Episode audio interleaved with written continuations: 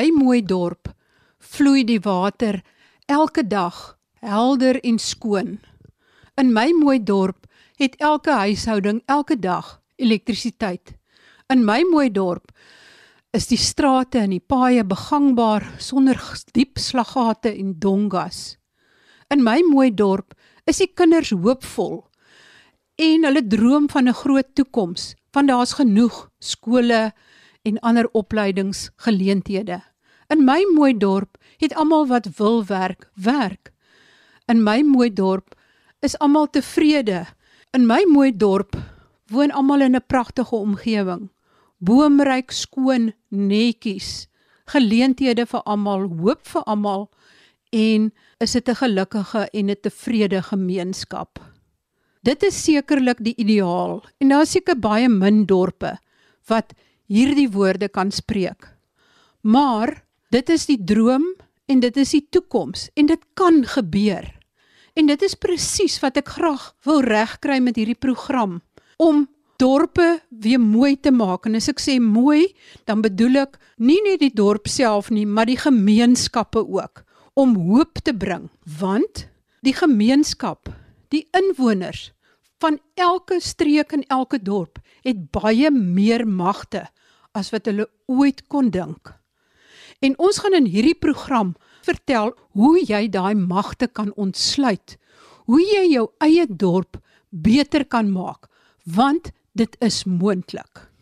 Die program My Mooi Dorp is daarop gemik om dorpe in ons land te help deur aanmoediging, aansporing, inligting en bemagtiging om weer of vir die eerste keer modeldorpe te word. Probleme soos slaggate in paaie, besoedelde water, kragonderbrekings, diefstalle, dwelmhandel, gebrekkige vervoerstelsels, alles gaan aangepak word, alles gaan bespreek word. En ons gaan jou bemagtig met inligting, jou help met raad en daad waar nodig. Ons gaan jou inlig oor presies watter stappe jy volgens die reg, die wet wat aan jou kant is, kan neem om jou dorp en jou gemeenskap goed te laat funksioneer en laat floreer. Ons gaan beslis ook kyk na maatskaplike probleme, armoede, gebrek aan opleiding, dwelmprobleme en nog vele meer Ons gaan nie net help om mooi en funksionele omgewings in dorpe te skep nie, maar bovenal hoopvolle, samewerkende, bemagtigde, verantwoordelike, vooruitstrewende en gelukkige gemeenskappe. En lesbes. Ons gaan mettertyd 'n groot kompetisie aankondig om die dorp met die beste projek, asook die dorp met meer as een uitstekende projek aan te wys as my mooi dorp se dorp van die jaar. Ons weet dat alles nie regloop in ons dorpe en by ons munisipaliteite nie. Maar wat is die werklike prentjie? Ek gesels nou met Dr Petrus de Kok en hy tree op onder sy skryfnaam Buiteboer en ons gaan nog baie van hierdie boer hoor. Dr de Kok, vertel ons wat is hierdie oorhoofse prentjie wat mens sien wat in Suid-Afrika en die dorpe in ons land gebeur. Môre baie en dankie vir die vir die geleentheid om met julle te gesels oor hierdie belangrike inisiatief rondom ons dorpe in Suid-Afrika. Ek wil jou eerstens gelukwens vir die program. Ek dink dit is 'n uh, ongelooflike inisiatief. As jy mens nou na Suid-Afrika kyk, ons bevolking op hierdie stadium ongeveer 57-58 miljoen, waarvan omtrent 60% van ons mense in stede dorpe bly. So ons dorpe in Suid-Afrika is 'n ongelooflike belangrike uh, omgewing om te beskerm. Verlede jaar het die Makwetsi sy laaste uh, audit verslag oor die plaaslike regering vrygestel. Ons het ongeveer 270 munisipale entiteite in Suid-Afrika. Ek rond dit nou so 'n bietjie af, maar sê maar rondweg 270. Hy het byvoorbeeld verlede jaar gesê dat in die laaste 3 jaar periode het die audit uitkomste, die audit verslae van munisipaliteite agteruit gegaan. 76 alleen net vir verlede jaar se verslag het op die jaar voor dit basies agteruit gegaan in terme van hulle eie uitkomste. So wat dit beteken is ons kan nou baie syfers rondgooi. Enigiemand wat belangstel kan na die ouditeur-generaal se verslag gaan en gaan kyk na die miljarde rande wat verloor word in ons munisipale omgewing. So ons weet dit is 'n ongelooflike uitdaging wat ons het. Maar ek dink soos met jou inisiatief en met jou program moet ons dit omdraai. En die manier om dit om te draai is dat burgers kan en moet die regte wat hulle het, die wet wat in hulle guns stel, kan gebruik om druk op plaaslike regerings te sit. Die tyd is verby om te wag vir uh, besluitnemers om besluite te neem. Ek dink die tyd is nou reg vir 'n baie meer aktiewe burgerlike ingryping in ons plaaslike werklikheid. Dokter De Kok, wat is die oorhoofse prentjie? Waar lê die nee. grootste knelpunte? Kyk, ek dink ons moet begin by die basiese. Ons moet begin by water. Ons moet begin by riool. Ons moet begin by elektrisiteit. Want as jy na 'n staat kyk, nie net 'n staat soos Suid-Afrika nie, maar enige staat in die wêreld, 'n staat se sekuriteit is uiteindelik gekoppel aan die sekuriteit van sy burgery. Daar is geen twyfel daaroor nie. As jou mense, as jou burgers nie water as hulle nie veilig is nie, as hulle nie toegang het tot sekere basiese dienste nie, dan is jou staatsveiligheid alreeds 'n probleem. En hoekom ek dit sê is dat die knelpunte wat ons vind in ons plaaslike regeringsbestel, het begin baie keer met die basiese maar daai die oomblik wat jy die basiese probleem het van waterverskaffing of van diensverskaffing, dan loop jy die risiko van opstande, uh, gemeenskapsgeweld in dies meer.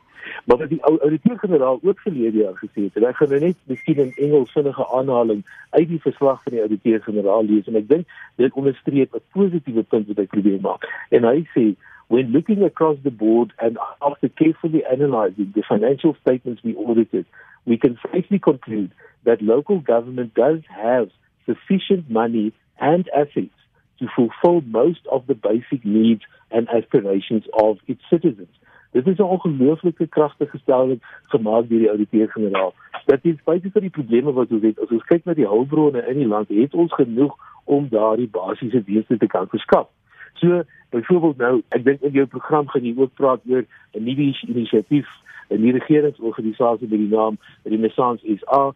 En een van die doelwitte daarvan is, is juis om daai kennis, die metodes wat jy kan gebruik om druk op jou plaaslike verteenwoordiger in jou munisipaliteit te sit om sekere dienste te verskaf. En ek dink dit is die beweging nou wat Suid-Afrika regtig waar in ons dorpe 'n tasbare verskil in kan maak. Dokter De Kok, as die ouditeur-generaal gesê het daar is eintlik genoeg fondse en sovoorts om al die basiese dienste te lewer.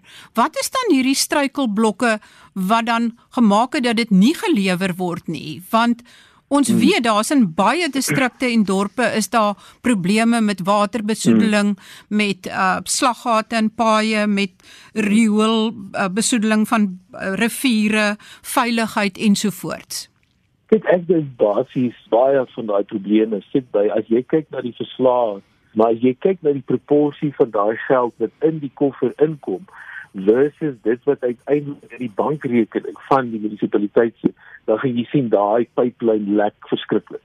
So selfs die geld wat inkom word om dit maar in totale Afrikaans te stel gesteel. Die stelsel wat ons bedoel nou in Suid-Afrika is dat na 1994 en daar's internasionale bewys hiervoor dat Suid-Afrika tweede in die wêreld is vir sy deursigtigheid van die staat in terme van begroting en terme van verantwoording terug aan die publiek. So dit beteken Suid-Afrika is meer deursigtig in sy staatsbestel as van die mees sogenaamde gevorderde lande in die wêreld. Nou die punt wat ek probeer maak is die volgende. Daai stelsel is baie sterk, maar dit beteken jy gaan aanhoudend as jy wil 'n kroegspel speel in die publieke sektor, daai goed gaan uitkom. En die probleem wat ons daarmee sit is nie net 'n probleem van korrupsie of van diefstal van publieke fondse nie. Ons het te doen met 'n situasie waar as Suid-Afrikaners in ons dorpe, in ons stede, moet ons onsself die vraag vra: Hoe eerlik is ons werklik waar in ons dag tot dag omgang met mekaar? Want die korrupsie wat ons van praat in die staat of as jy nou na Stein of die private sektor kyk of 'n kykie in die skandaal, die onderliggende faktor is mense wat skelm is So ek dink in Suid-Afrika moet ons werklik waar daai ding in die spieël kyk en vir onsself vra, hoe gaan ons ons werklikheid verander in die eerste instansie te vra, hoe tree ek op? Is ek skelm of is ek nie? Gaan ek die polisieman op die straat toe 100 rand gee omdat my lisensie nie reg is nie? Jy verstaan dit nie. Ons moet onsself baie basiese vrae vra om die stelsel te beskerm en om ons toekoms te beskerm. Dit is uiters belangrik. Jy het nou nou gesê ons het eintlik baie meer magte as wat ons besef ons het. Vertel vir ons bietjie meer daarvan.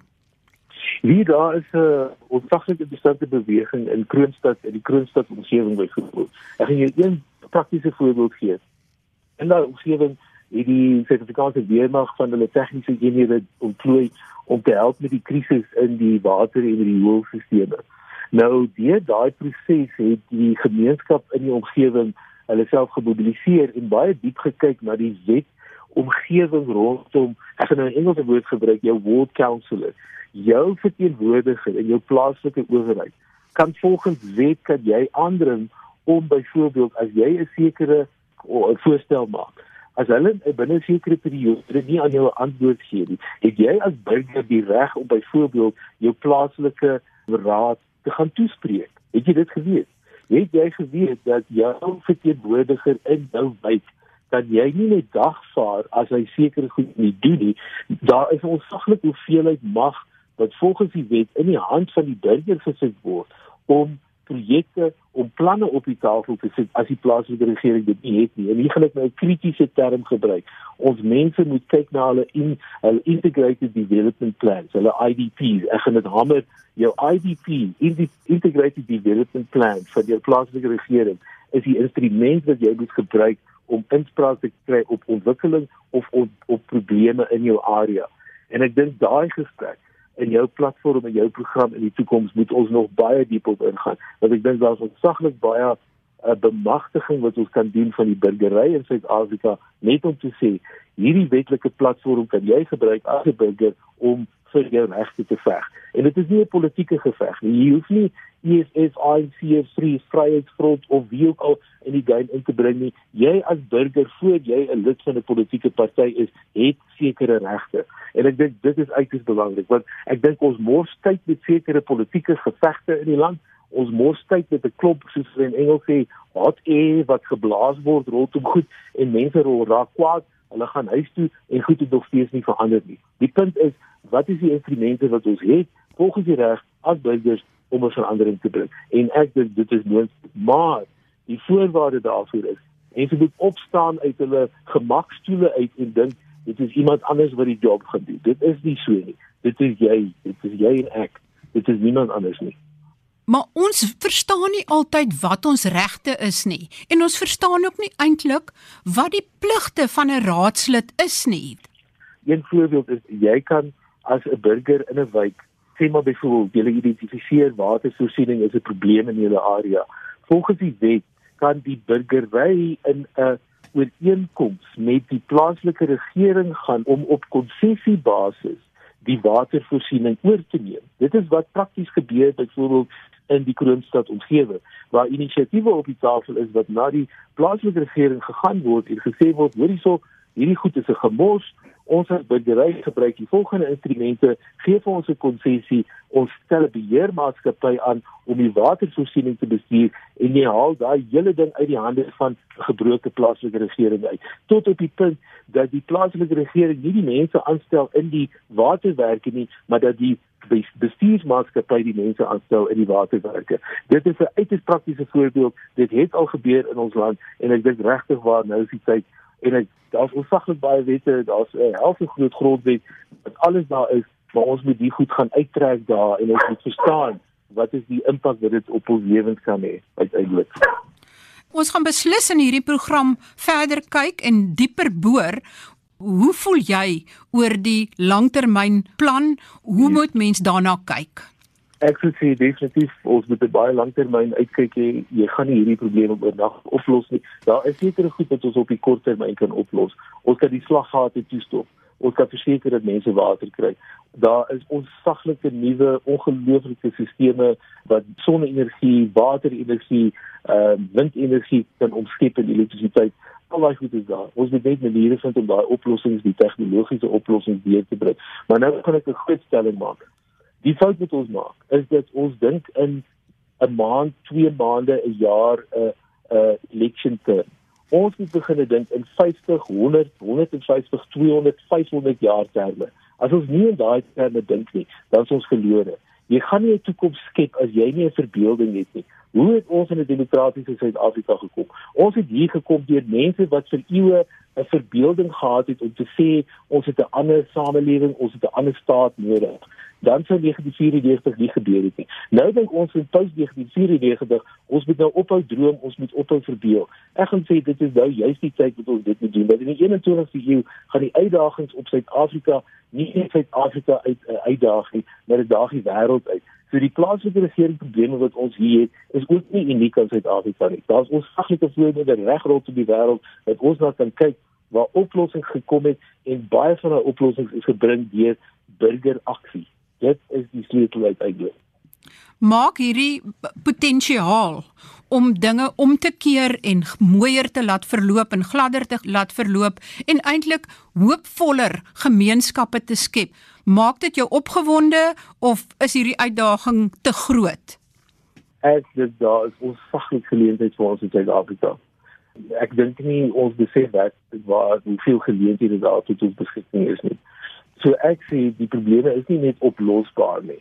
Ek dink ons kan baie verder as die probleme gaan. Maar ek dink ons hou onsself terug deur onnodige debatte, 'n gemors van tyd op politieke kwessies wat ek dink regwaar uiteindelik die saak maak nie.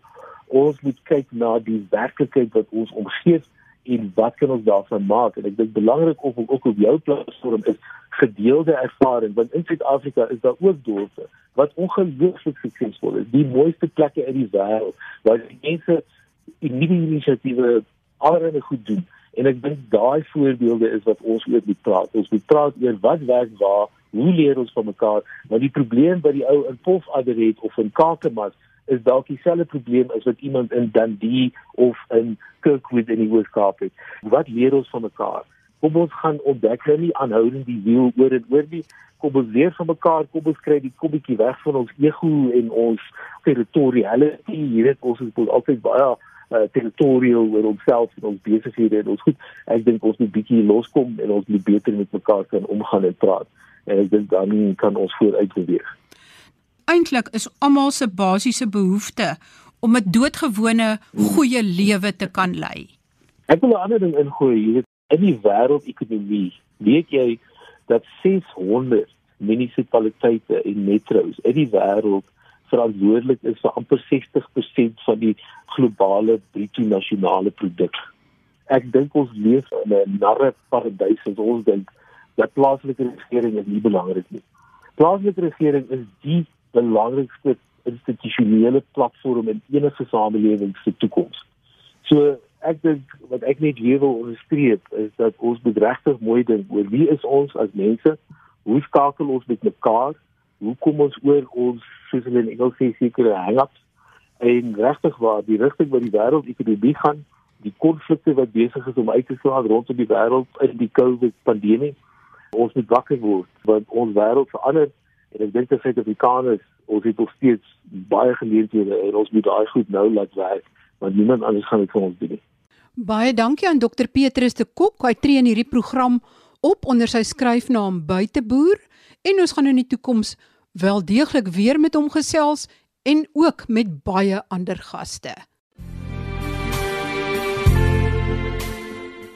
Nou wil ek alle dorpe, alle inwoners nooi om aan my te skryf en my te laat weet van alle interessante en suksesvolle projekte wat in julle gemeenskap aangepak word sodat ons hierdie suksesverhale kan uitlig en dat ons by mekaar kan leer. So skryf asseblief vir my by mariehudson@icloud.co.za. Ek gee weer my adres baie stadig. Marie M A R I. Hudson H U D S O N @iCloud soos 'n i-wolk iCloud.com. En gaan ook na RSG se webblad toe en sluit daaraan by die groep My Mooi Dorp sodat ons vir julle almal kan inlig met 'n interessante nuusbriewe en inligting oor hoe om van julle dorpe 'n beter dorp te maak. Tot volgende Saterdag wanneer ons weer gesels. Laat hoor gerus van julle. Ek sien uit daarna. Groete van my, Marie Hudson.